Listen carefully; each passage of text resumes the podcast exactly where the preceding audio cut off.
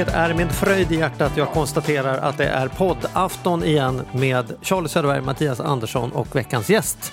Det måste vara dags för ekonomi på riktigt helt enkelt. Ja men det är det. Ja. Det är precis där det är. Då har jag kommit rätt. Då har du kommit rätt. Ja. Fasan vad roligt. Hur är dagsformen? Ja men den är som en dröm. Är det så? Ja, Som, den- en, som en dröm måste vara det du har sagt flest gånger i ditt liv. Ja. Är Det, det känns som ett Mattias-uttryck. Ja, det kanske är det. Toppen brukar sa Toppen. jag mycket för också. Kanon har jag toppen, sagt väldigt mycket i mitt liv. Men, vet du vad som är roligt då? Att dagens, vi, det här är ju ett fråge och svarprogram. Vilket Mm. är väldigt kul. Vi får in mycket frågor och vi försöker svara. Ja. Vi svarar ju också på en hel del rakt upp och ner. Men sen är det alltid kul att bolla de här frågorna med någon expert. Och det Mm. har ju varit allt från Kristina Söderberg som vi jobbade med att ta. Eller som vi hade med att göra. Och vi har ju haft Magnus Elmer. Och, och vi har nu då en av de, de, de stående, ständiga och fantastiska eh, experter som vi har att göra med. Nämligen Arturo Arquez är tillbaka.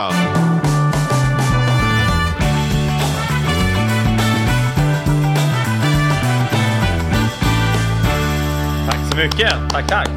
Och jag måste säga det hände något kul Charlie, jag måste berätta något för dig. Ja. Här om, om inte för alls så länge sedan så ringer min svärfar och säger att nu ska jag ha tagit ett beslut att jag ska sälja min hoj. Men det är lite vemodigt för den är, den är så jäkla fin och den har inte gått någonting. Men jag inser att jag inte kör med den så mycket.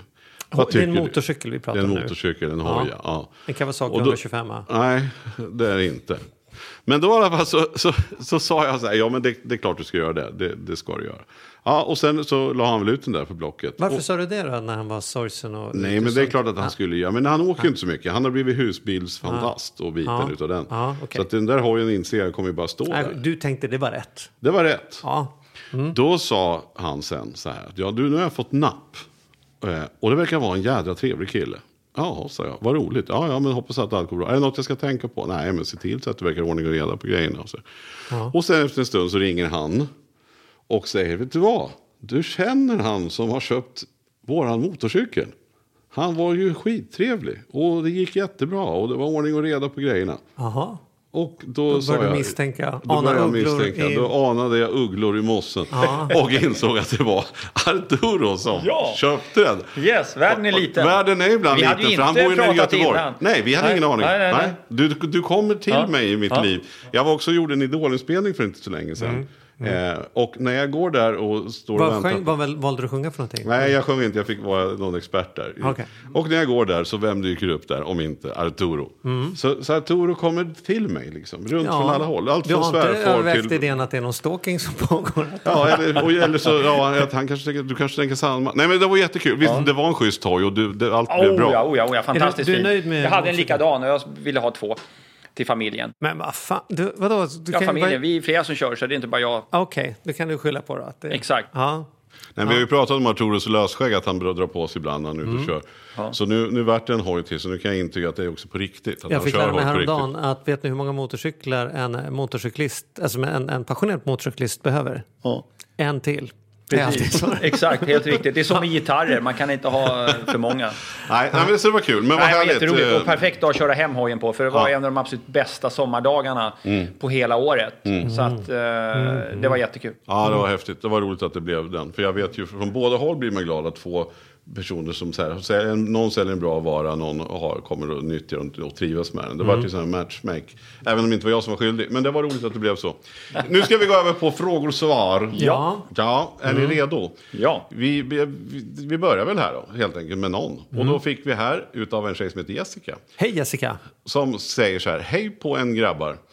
Tack för en underbar På, podd. på en grabbar? Ja, hon skrev så. Jaha. Eh, tack för en underbar podd. Får superbra inspiration från er och blir alltid taggad på att spara lite extra. Ibland tänker jag att det hade varit en dröm, inte bara jag som använder det uttrycket, att få vara med i program Lyxfällan back in the days och en hel veckas ekonomisk coaching av Nej er. men vad fan, det var ju en mardröm de stackarna som bjöd. Ja. Ja, ja.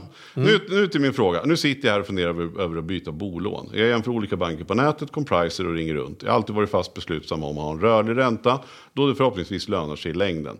Men nu börjar bankerna erbjuda lägre ränta om man binder till exempel ett år eller mer. Och så är det ju, konstigt nog kan man tycka. Man, man får lägre ränta än om man tar rör, rörligt. Ja, och så säger hon så här, jag vill, binda, jag vill inte binda räntan av massa anledningar, men om huvudsakligen, eller huvudsakligen för att det brukar bli dyrare. Men hur ska man tänka när den bundna räntan är billigare än den rörliga? Så vi lämnar över ordet direkt. Vad säger du Arturo? Vad, vad, vad är din inställning till det här? Ja, hon ska ju naturligtvis... eh, Var det Jessica hon hette? Ja. Ja, Jessica, jag tycker att du ska utgå från din egen ekonomi och eh, kolla vilka marginaler du har i din hushållsekonomi och också kolla din skuldsättning. Det vill säga hur mycket lån du har i relation till bostadens värde och hur mycket lån du har i relation till din inkomst. Är det så att du har en låg skuldsättning och har stora marginaler i hushållsekonomin, då tycker jag att du kan ligga kvar med rörlig ränta. För sannolikt, och då säger jag sannolikt, så kommer vi få leva med en låg ränta för överskådlig tid. Och med rörlig ränta så har du också möjlighet att kunna ändra och ångra dig och binda räntan om det är så att du skulle komma på andra tankar. Skulle du dessutom byta bostad, vilja sälja den här inom en snar framtid, så eh, kan det vara skönt att ha rörlig ränta så kanske du slipper betala ränteskillnadsersättning. I synnerhet om räntan skulle gå upp så kanske du blir tvungen att betala en hel del i ränteskillnadsersättning och det vore ju synd. Men du berättar, ränteskillnadsersättning. Kan Ja, bara säga? med ränteskillnadsersättning så menar jag Ja. den kostnaden som du som kund får betala till banken som kompensation för att du bryter det här avtalet med banken. Är det så att räntan har gått ner Mm. och, så säger, och då vill man ju som privatkund då kanske eh, lösa upp det här lånet och ta ett nytt lån för har blivit Mm. billigare. Eh, då, är med det för det, då innebär det en kostnad för banken att eh, gå med på det. Just och det. den här kostnaden behöver du ersätta banken för och därför kallas, kallas det då för ränteskillnadsersättning. Och det beror på hur lång tid det är kvar på löptiden. Så, är hur mycket räntan har gått liksom. ner och Ja. hur lång tid i förväg du vill låsa, eh, lösa upp lånet påverkar eh, storleken på ränteskillnadsersättningen. Men om räntan har gått upp istället då? Man, man tänker sig att det det. kan gärna men inte gå ner. Det, om det går åt något håll går det upp. Får jag fortfarande betala ränteskillnadsersättning då? Eller är det... Det beror, på, eh, det beror på hur lång tid det är kvar på lånet Ja. och hur lånet är konstruerat. Men det är framförallt en kostnad för banken när eh, räntan har gått ner och det är lång löptid kvar. Men du säger, har man en god ekonomi och en låg skuldsättning då, då tycker du att man inte ska binda även om man får ett erbjudande på en, en betydande lägre ränta än vad den rörliga räntan ligger. liksom. Eh, ja, det tycker jag. Därför att eh, den här, ränteskillnads, den här skillnaden på ränta som det är mellan rörlig ränta idag, kanske ettåringen och tvååringen, den är ju temporär. Vad som händer med skillnaden på ränta mellan de här två, det vet vi ju inte om två eller tre år. Så att, eh, och möjligheten att ändra sig, som i Jessicas fall då, då, hon kan ju ändra sig om tre månader eller sex månader. Så hon har alltid liksom friheten och optionen att kunna liksom göra någonting annat med rörlig ränta. Det är ju en fördel med den rörliga räntan. Till skillnad från om du har tagit ett beslut om att jag binder mig på tio år. Då gäller ju det i tio år. Eller fem år. Då gäller ju det för fem år. Och är det så att hon ångrar sig och, eh, så är risken stor att hon får betala en ränteskillnadsersättning. I synnerhet om räntan har gått ner. Eh, och då kan det vara bra att behålla den här friheten att kunna välja. Och är det så att hon har planer på att flytta då ökar ju sannolikheten för att hon någon gång kommer behöva eh, så att säga, lösa upp det här lånet i förtid. Och det är väl onödigt att betala en ränteskillnadsersättning då. Hur är det? det? Det pratades i alla fall mycket på den tiden jag var fastighetsmäklare om att man la, vi lägger lite på rörligt och lite bundet och något på tre Ja, år och något på fem år. Liksom så här, Ja. som att det, var, det, det var liksom, sen så tycker jag inte det pratas så mycket om det mer som det var på Nej. den tiden. Hur, hur förhåller vi oss till det? Jag skulle, jag skulle säga att eh, det, det är en möjlighet. Och har man mycket lån så kan det definitivt vara ett bra alternativ att eh, ha halva lånet rörligt och eh, halva lånet bundet i fem år till exempel. Det kan vara ett bra det är alternativ. lite som att ha lite aktier och lite Lite i så. sin sparportfölj, liksom en blandnings... Lite så. Det vi, det vi ska komma ihåg också, det är att eh, vi svenskar i allmänhet skiljer oss lite grann jämfört med andra eh, hushåll i andra länder. Det är väldigt vanligt i andra länder, Tyskland till exempel, för att ta ett exempel, eh, Spanien, Frankrike, två andra exempel, eh, att man binder. Eh, därför att man helt enkelt vill veta vad den boendekostnaden är. En fördel med att binda räntan på tio år det är att du vet eh, vilken boendekostnad du kommer ha under lång tid. Eh, och det kan vara rätt skönt att veta för din egna liksom, planering. Att det här är boendet och det är den kostnaden vi har. Men om vi tänker nu att Jessica då, att om, om hon har den här eh, räntan, alltså Mm. man binder då, säg att hon tar en treåring för en jättebra Ja. Mm. ränta. Och sen får hon för sig att flytta och byta lägenhet. Kan man inte flytta med sig det lånet då från den ena bostaden till den andra?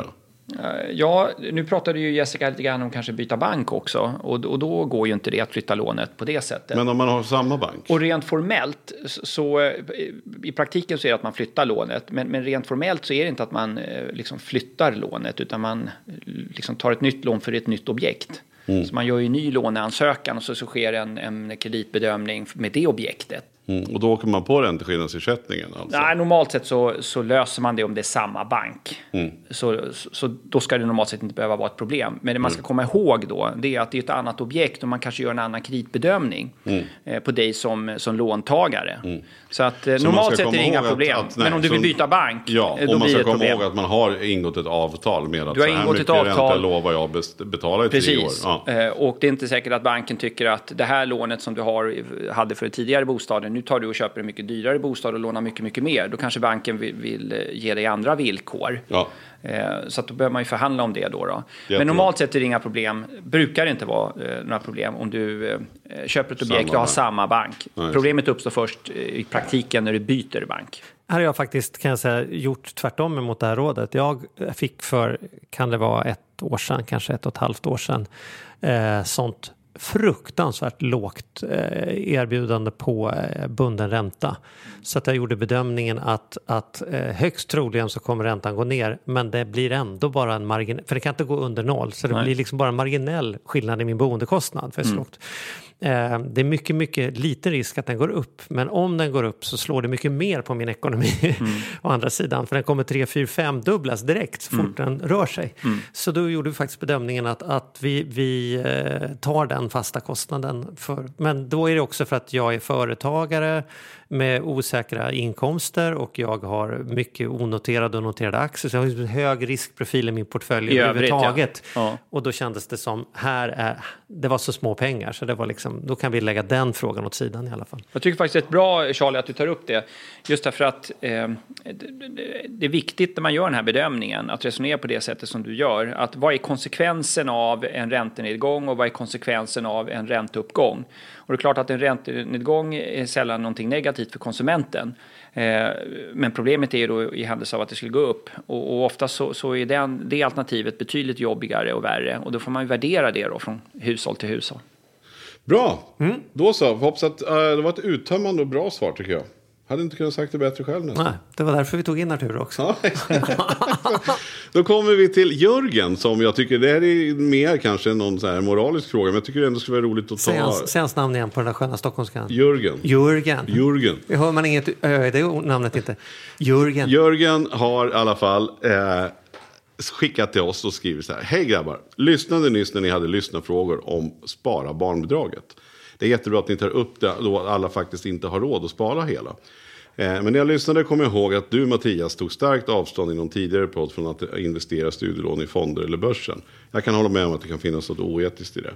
Barnbidrag, barnbidraget är inget lån men problematiken är besläktad med varandra. Min enda lösning skulle vara att det är ett inkomsttak för barnbidrag. Och Ja, sen skriver han så här. Som, som småbarnspappa svär jag nog i kyrkan nu när jag säger att det kanske bör finnas ett inkomsttak på till exempel 50 000 per månad.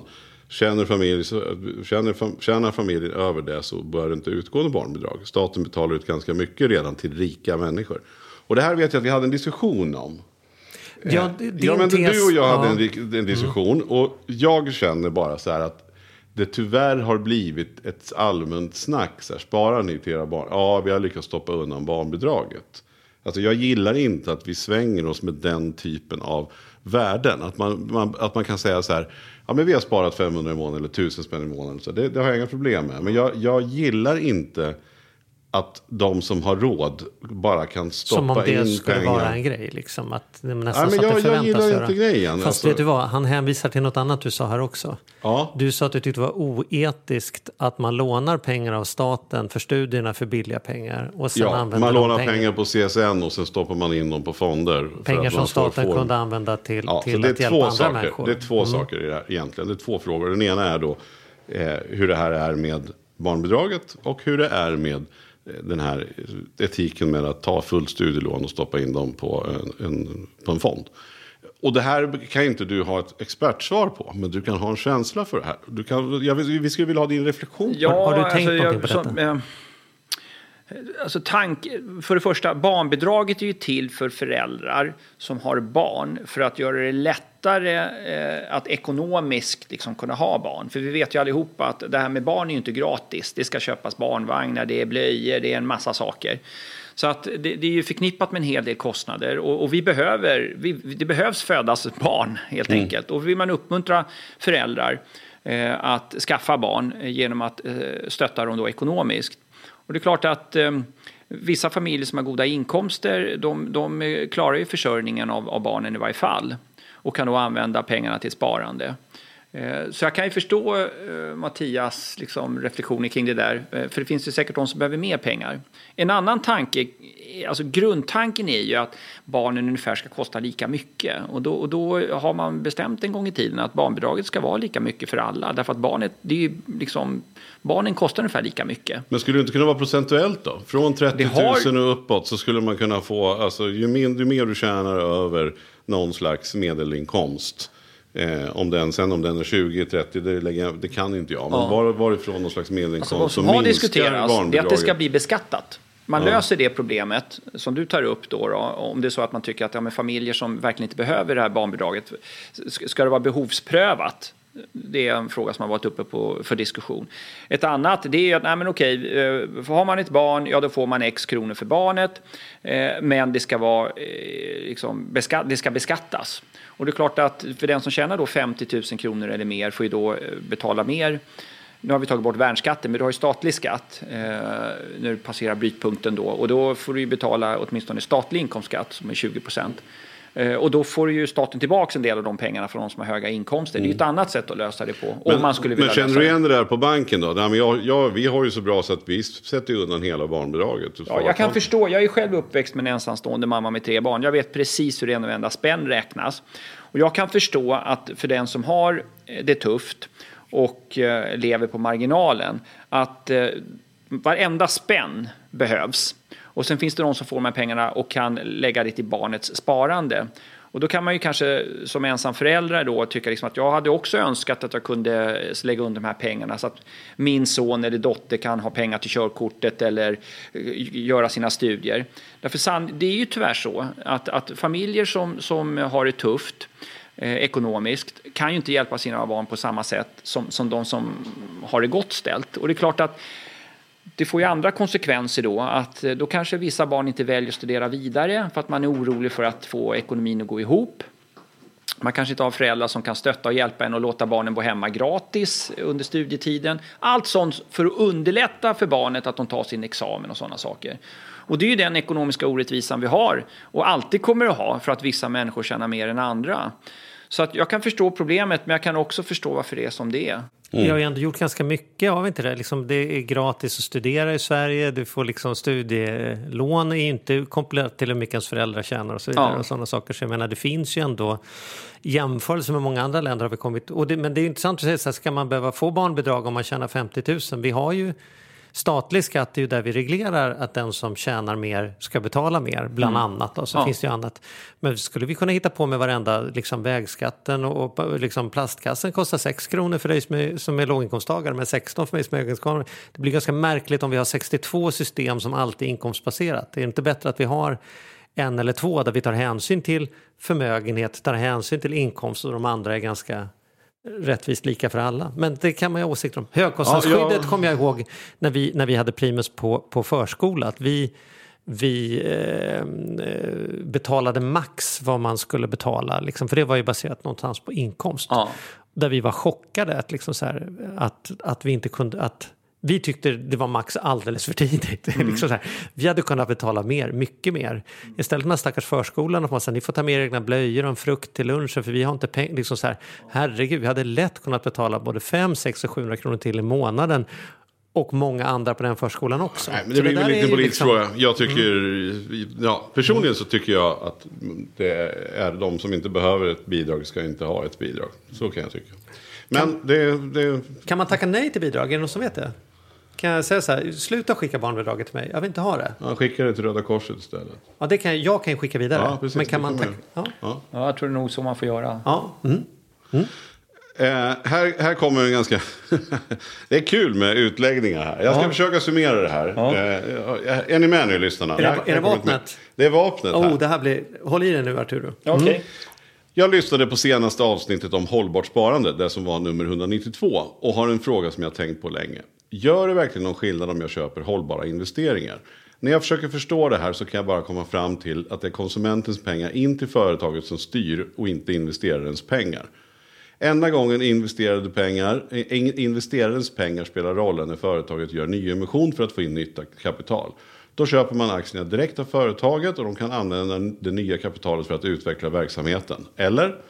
I avsnitt, I avsnitt 69 har ni Jan Bolmesson på besök för att prata om etiska investeringar. Han nämner då precis det jag ska beskriva längre ner, men väldigt snabbt i förbifarten. Jag hade tyckt att det var intressant med en utveckling av resonemanget. Så här tänker jag. Exempel. Företaget Vapen AB behöver nytt kapital. De ställer ut 100 aktier som kostar en krona styck och Petra tycker det skulle vara intressant eh, skulle vara ett intressant bolag med framtidsutsikter då hon köper allihopa. Men de nya fräscha 100 kronorna lyckas Vapen AB generera verksamhet och försäljning så att företaget blir värt 10 gånger så mycket, alltså 1000 kronor. Marknaden har gjort sin läxa och räknat på detta och kommit fram till att aktierna således nu är värda 10 kronor styck. Gunnar har kollat in företaget och tror att de kan fortsätta växa samtidigt som Petra är sugen på att ta hem vinsten. Petra säljer således alla aktier till Gunnar för 1000 kronor. Petra tar hem en vinst på 900 kronor minus courtage av skatter. Gunnar får 100 nya aktier som han hoppas ska växa till sig för Vapen AB. För Vapen AB har ju egentligen ingenting hänt på grund av deras affär. Ett år senare har Vapen AB tappat hälften av värdet på grund av dåliga affärer och Gunnar vill bli av med aktien för att inte tappa ännu mer. Han säljer alla aktier till Karina som ser en väldig potential i företaget. Hon ser en stor potential och hon köper aktierna för 1000 kronor trots att företaget egentligen bara är värt 500 kronor i dagsläget. På Vapen ABs kontor är man såklart helt ovetande om Gunnar och Karinas aktieaffärer som gav Gunnar betydligt mer än vad som är rimligt. Aktierna handlas via en aktiemäklare och har inget med Vapen AB att göra. På Vapen ABs kontor kämpar man istället för att få en ny sorts landmina på marknaden. En som reagerar på avstånd och spränger bort benen lite extra effektivt på offret. Höv. Till slut så kommer man fram till att det behövs ett nytt kapital för att fortsätta utvecklingen. Man ställer ut 100 nya aktier för en krona styck. Men till deras stora förvåning vill ingen teckna nya aktier. Karina är nöjd med de 100 hon har och ingen annan vill köpa nya aktier. Hos Vapen AB kämpar man på ett tag till men får till slut inse att affärsidén inte håller längre. Ingen är intresserad av extra effektiva landminor och försäljningen står stilla. Det kommer helt enkelt inte in några pengar i företaget så att det går att bedriva verksamhet och betala löner. Karina tröttnade ganska fort på sina aktier eftersom det inte blev någon kurstillväxt eller utdelning.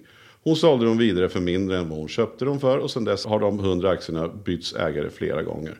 Just nu är de nere på ett öre styck. Detta är man fortfarande omedveten om på Vapen ABs kontor. Den stora frågan istället om man ska försöka ett tag till eller försätta bolaget i konkurs. Just nu äger Adrian alla 100 aktier som han alltså köpte för ett öre styck. Emma blev sugen på dem och köpte alla för 100 kronor. Adrian gjorde alltså en vinst på 99 kronor. Vapen AB vet fortfarande inget om detta utan beslutar sig för att lägga ner företaget eftersom ingen köpte deras produkter. Emmas aktier blir värda 0 kronor och hon får inte ut något alls eftersom pengarna som blev över i konkursen gick till att betala banklån. Hoppas ni förstår resonemanget. Vad jag kan se är hållbara investeringar, nu kommer slutklämmen här. Vad jag kan se är hållbara investeringar bara ytterligare en fluga vi ska hoppa på för att känna oss som lite bättre människor i PK-Sverige. Att hela världen spyr ut plast, avgaser, tungmetaller och så vidare har inget med hållbara investeringar att göra. Det har med våra konsumtionsmönster att göra. Den dagen jag väljer att flyga mindre, äta mindre kött, bo mindre, skaffa färre barn, köpa färre tv-apparater, datorer, telefoner, bilar etc. är den dagen jag verkligen gör skillnad för hållbarheten. Hoppas ni har tid och lust att resonera kring detta. Jag blir gärna överbevisad om motsatsen, men än så länge har ingen lyckats. Hälsar Jonathan.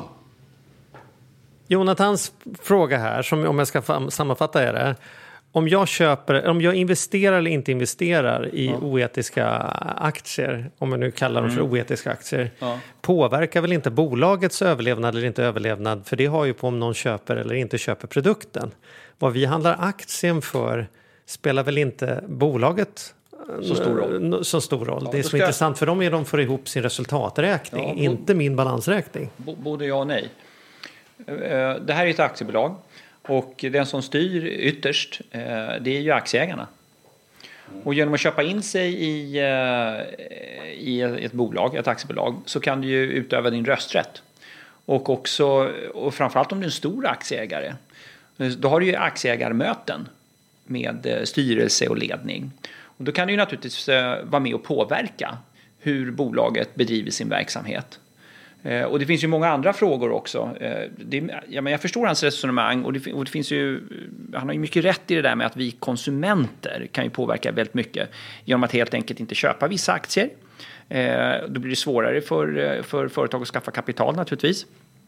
Eh, man kan eh, genom att prioritera vad man lägger sina pengar på, till exempel att vissa kläder eller vissa leverantörer vill jag inte köpa av, av olika skäl. Då, då så kan man påverka. Men du kan definitivt som eh, stor fondförvaltare till exempel via alla de aktier du äger genom att utöva liksom, din, rätt som, din rösträtt påverka ledningar i bolagen och styra verksamheten på ett sätt som gör att man når vissa hållbarhetsmål. Du kan vara med och bestämma vilka hållbarhetsmål du ska eh, sätta upp i företaget också. Så att jag håller inte riktigt med. Det finns mycket du kan göra som en aktiv, ansvarsfull ägare. Eh, och via din, eh, din eh, liksom så säga, ägarmakt också trycka på och säga att vi vill se att den här omvandlingen eh, från fossil användning till en mer hållbar och miljövänlig alternativ går fortare och att man satsar mer pengar i, i företagets investeringar mot ett hållbart samhälle och sådana saker. Det finns otroligt mycket man kan göra. Så att jag håller inte riktigt med där. Jag är mer positiv och jag tror definitivt i framtiden så måste alla investeringar vara hållbara.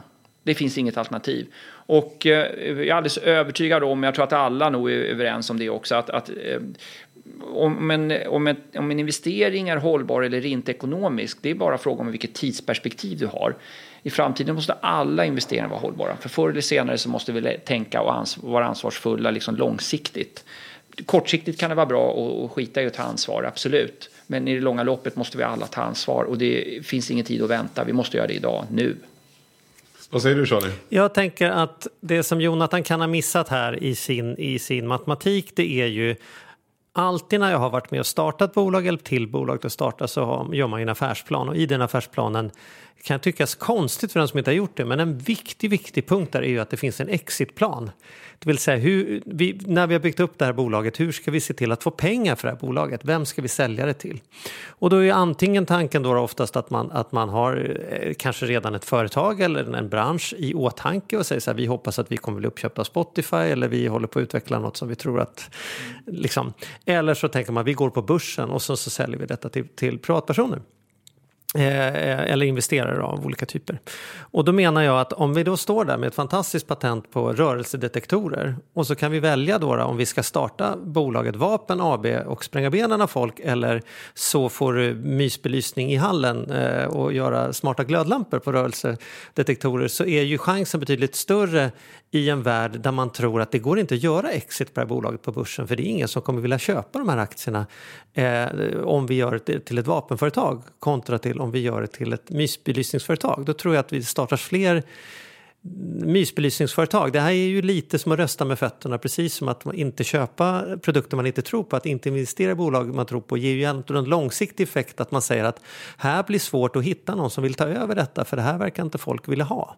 Sen kan man vara liksom krass och säga att det kommer alltid finnas någon och det finns liksom uppenbarligen folk som är beredda att ta vilka aktier som helst och bara tjäna pengar och vad det är som, som sagt. Så finns det absolut. Men så kan man ju resonera då kring att det är alltid någon som bränner upp oljan i alla fall så då kan lika gärna jag göra det. Eller liksom, människor dör förr eller senare då så jag kan lika gärna skjuta dem. Men, och, och det, att, ja, det behöver inte vara det ena, det ena utesluter väl inte det andra. Det är väl klart att det kan hamna i sådana här lägen att, att, att, att säljarna bara fortsätter och, och kränger och, och köparna står på kö. Sen behöver det inte ha så mycket med hur bolaget går eller inte. Men man måste väl välja hur man vill hur man vill ha det och sova gott. Och jag tycker att allt det här att dra ner på saker och tänka hållbart är väl hela grejen oavsett vad. Liksom. Ja. Så att det blir konstigt också om man sätter båda sakerna mot sin spets kan jag tycka.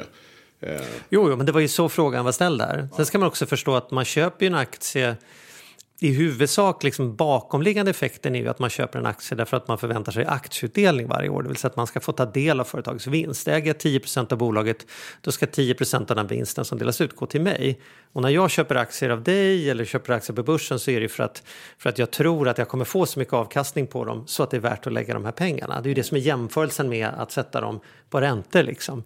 Och då blir det ju så att om det är ett bolag som håller på med vapenproduktion då är det ju så att jag får min avkastning tack vare att människor spränger benen av andra människor. Då kan jag ju tycka att det är inget kul och köpa champagne för pengar som jag har tjänat på att barn har förlorat sina ben. Så att jag menar, då kan man ju ha en åsikt om att den här aktieutdelningen smakar inget gott i munnen och då ska jag heller inte ha aktierna då. Det skulle kunna vara ett svar till Jonathan. Precis, och hållbarheten är ju grejen. Jag vet inte om ni har sett än eh, David Attenboroughs nya dokumentär på Netflix. Den berörde mig, jag tyckte den var helt fantastisk. Såg den häromdagen. Fantastiskt. Nej, men det är det jag menar, att, att långsiktigt så, så finns det bara ett alternativ och det är hållbara investeringar. Ja. Och eh, jag tror definitivt att man kan göra skillnad och jag tycker vi redan ser stora eh, effekter av ett ansvarsfullt ägande där, eh, där man försöker påverka eh, i ledningar. När man sätter upp affärsplaner, när man sätter upp olika ambitionsnivåer på eh, hållbarhetsarbetet i, i olika företag så kan man påverka. Och eh, jag tror att vi kommer få se mer av det i framtiden och jag tror också att vi kommer i, framöver att se att, eh, att ägare som tar ett eh, liksom riktigt ansvar och tänker långsiktigt kommer premieras. Eh, och företag som inte gör det och tänker för kortsiktigt, de kommer att straffas. Ja, jag tror också det. Jag Nej, vill det bara citera den klassiska vi fick från Jan en gång i tiden som är att vårt resande och vårt ätande skapar mindre klimatavtryck när man lägger ihop det än vad våra pensionspengar gör i snitt. Och många människor har inte tittat på om de har klimatsäkrat sitt sparande men är väldigt noga med om de ska köpa kött eller inte, om de har elcykel eller bil. Så det, är, det har en uppenbar påverkan. Jag tycker man kan göra alltihop. För vi Nej, måste jag, det. det, det jag tror att han har en poäng i som jag tänker mycket på, det är samma med corona nu till exempel, och det här med hållbarhet eh, och hans resonemang, det är det här att jag menar, jag, jag tror att vi kommer att uppskatta kvalitet mer. Eh, vi kommer att köpa eh, skor som kanske eh, håller en högre kvalitet och därmed också eh, lönar sig att lämna in till skomakaren liksom för, för lagning och, och renovering. Samma sak med kläder. Vi kanske kommer att i framtiden behöva betala mer för våra kläder i framtiden men kommer å andra sidan att vara mer rädd om de här kläderna och kommer gå till skräddaren eh, när det ska repareras eller ändras för att vi behöver eh, ha större eller mindre storlek. Så att jag tror att eh, hela samhället är på väg att ställa om till ett långsiktigt och hållbart samhälle. Och det kommer att innebära att vissa saker kommer gå upp i pris för konsumenten men då blir vi å andra sidan eh, mer rädda om sakerna och det kommer att bli en massa kringtjänster kring det. Eh, Kläder, skor, ja massa saker. Vi kanske inte kommer resa på samma sätt som tidigare av miljöskäl, nej. Och det är därför eh, det är mer populärt att bo i fritidshus och skaffa sig det eller ett annat typ av boende för att vi behöver anpassa oss och vi måste anpassa oss. Vi måste det och det är som Ertug Ja, det säger, det är, det är bråttom, det finns inget bråttom. alternativ. Nej. Kolla på den dokumentären. Du också Charlie. Ja, nej men jag har sett den. Mm, du har Ja, ja. Det var därför jag sa usch. Ja, det var därför du sa det är usch. vackert och hemskt. Ja, på samma gång. Fast ändå tycker jag mest vackert Hopp- i slutet. Så att också. Mm. man behöver inte... Kanon. Eh, jag tror vi hinner, hinner vi en fråga till. Ja, men det gör vi. Vi hinner en fråga till. Eh, och det är från Pamela. Hon skriver så här. Hejsan pågar. Älskar. Pågar? verkligen? Pågar. Så hon Jaha, måste ju vara från Skånetrakten. Då är det någon. Pamela säkert. Ja, Pamela. Pa, ja, jag man i Skåne? Ja. Ja, älskar er och er podd. Tack. Tack. Men vad, eh, men var var ni, här, vad var ni och er podd i mitt liv för 15-20 år sedan? Mhm. Så jag kunde blivit intresserad av ekonomi redan då. Tänkt till och fattat bättre beslut i vardagen. Ja, men nu är vi ju här. 25 år för sent, men vad fan, vi är här i alla fall. Ja. Eh, har dock ett, ett annat önskemål. Vi måste ju ha lite mer koll på det här med att köpa hus, eller hur? Och då vill jag bara påpeka för Pamela, eh, eller Pamela, att vi har pratat en hel del hus och, och bygga hus och så. Ja. Men här kommer ändå några, vi måste ha lite rykande aktuella frågor också. Och vem kan vara bättre att svara på det här än, än Mr Bostadsrättsförening, ordföranden, kungen av eh, bostäder och allting. Så jag kör lite frågor här. Ja. Det handlar om bostäder. Yes. Bara, Alltså, in, beteendevetande med jag vill bara säga innan det är så här. Pamela gör ett klassiskt misstag här och jag som har jobbat med att hjälpa människor att utveckla sin ekonomi i många år ser detta så vanligt. Att man säger så här, ja det här skulle man satt igång med för 20 år sedan. Hade jag fått lära mig detta för 20 år sedan? Och de människorna träffar jag ofta 20 år senare och de har fortfarande inte gjort någonting utan de fokuserar på de 20 åren de har missat. Nu är hon inspirerad idag, agera på det nu då. För det är det är det väldigt många, jo det är ju skitbra. Jag bara säger det, är många gubbar jag träffar som berättar det här ska man lära sig i skolorna och sen tar de inte till sig själva för man på något sätt tror att nu är det för Det är sent. för sent. Ja, jag håller Det är aldrig för sent. Det är perfekt tid för dig Pamela. Men då är det väl fantastiskt att hon tar upp mejlen och Ja, drar på podden och skickar det här. Då. Ja. Och då är det så här, eh, vi måste ha lite koll på det här med att köpa hus, skriver hon. Vem står för besiktningen av husen för dolda fel? Köparen eller säljaren, Arturo? Köparen har en eh, undersökningsplikt som är väldigt omfattande och därför är ju rådet för den som ska gå och köpa ett småhus till exempel att anlita en, eh, en besiktningsman eh, och också se till att få en omfattande besiktning av fastigheten.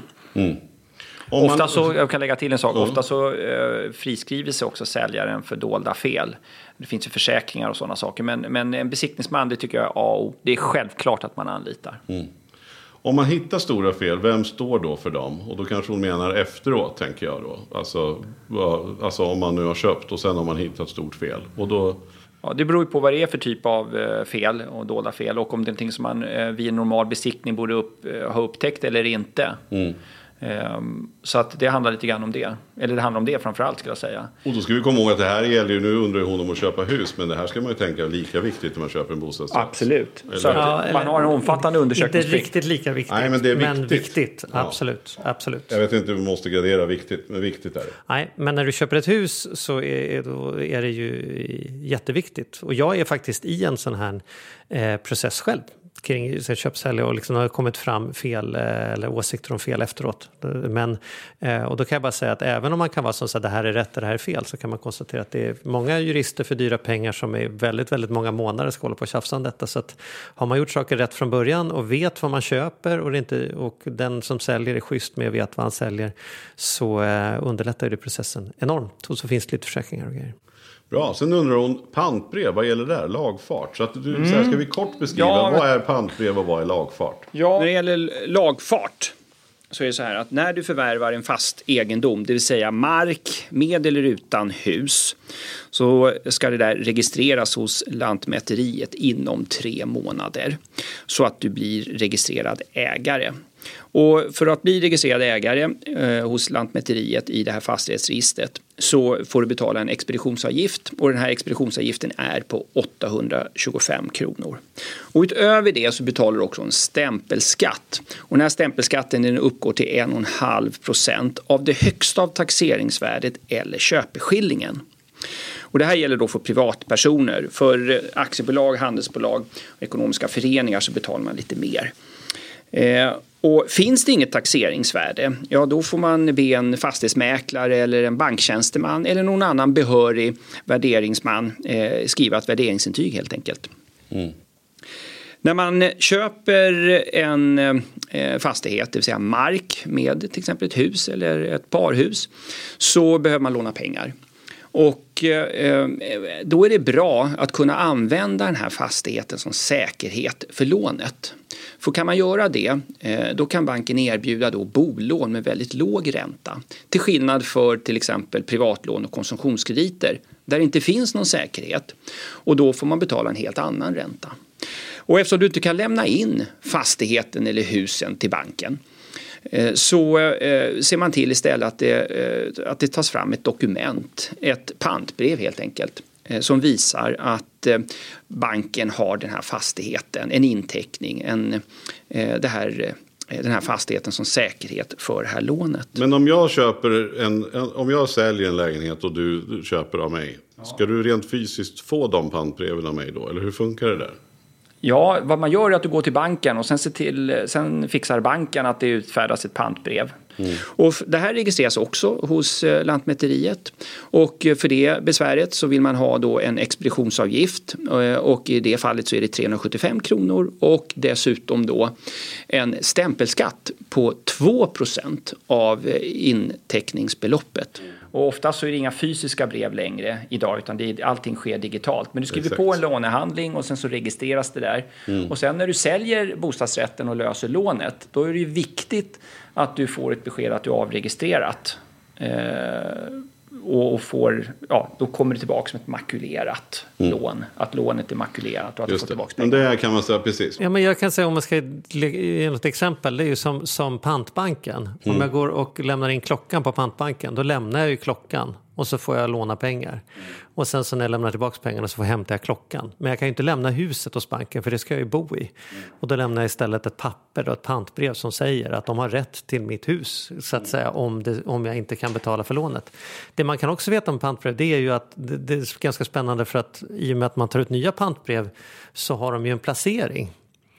Så har du ett pantbrev på en miljon så tar du ett nytt på 500 000 då innebär det att om det skulle hända någonting så huset måste tvångsförsäljas eller något. Den som har pantbrevet på en miljon ska ju ha sin miljon först och sen får den som har 500 000. Så är det åtta pantbrev kan ju någon bank ha två och någon har de andra två och det, tre, liksom det fjärde har jag fortfarande inte själv och så vidare. Och det har jag fått tillbaka. Så det finns liksom en inomvärde hur mycket man har paxat av ett hus ja, värde när man lånar ut pengar. inomläge och eh, då är det viktigt då eh, var man ligger som bank då så kan det finnas intresse var någonstans man ligger. För mm. menar, det finns ju en viss eh, ordning eh, och om det är så att du skulle hamna på obestånd och kunna betala då är det ju det bästa för den banken som har pantbrevet som ligger i botten. Mm. Nu, nu kanske jag säger fel här, nu får du rätta mig Arturo, men jag tror att det är det ordet bottenlån kommer ifrån. Alltså ja. det är ett lån med de lägsta pantbreven som säkerhet. De mm. som ligger i botten i den här inomlistan. Ja, och du kan ju ligga på olika nivåer även på ett bottenlån. Mm. Men tanken är att, att eh, den, man vill ju ha liksom det lånet som ligger längst ner i botten. Därför mm. att den har första prioritet. Just det är det. de som får betalt först. Och ju högre upp det ligger i de här inomlägena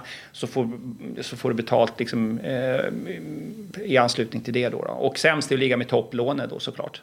Och det är därför de tidigare historiskt har kostat mer i ränta. Mm.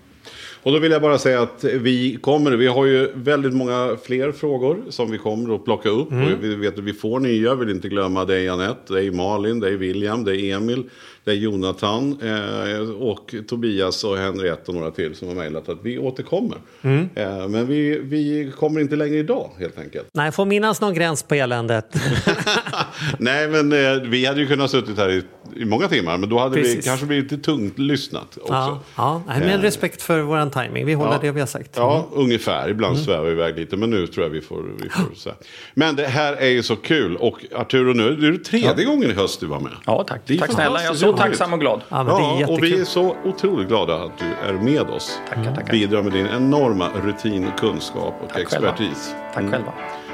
Charlie, ja. vi ses på tisdag. Ja, tack för god match. ja, tack för god match. Hej på er! Hej!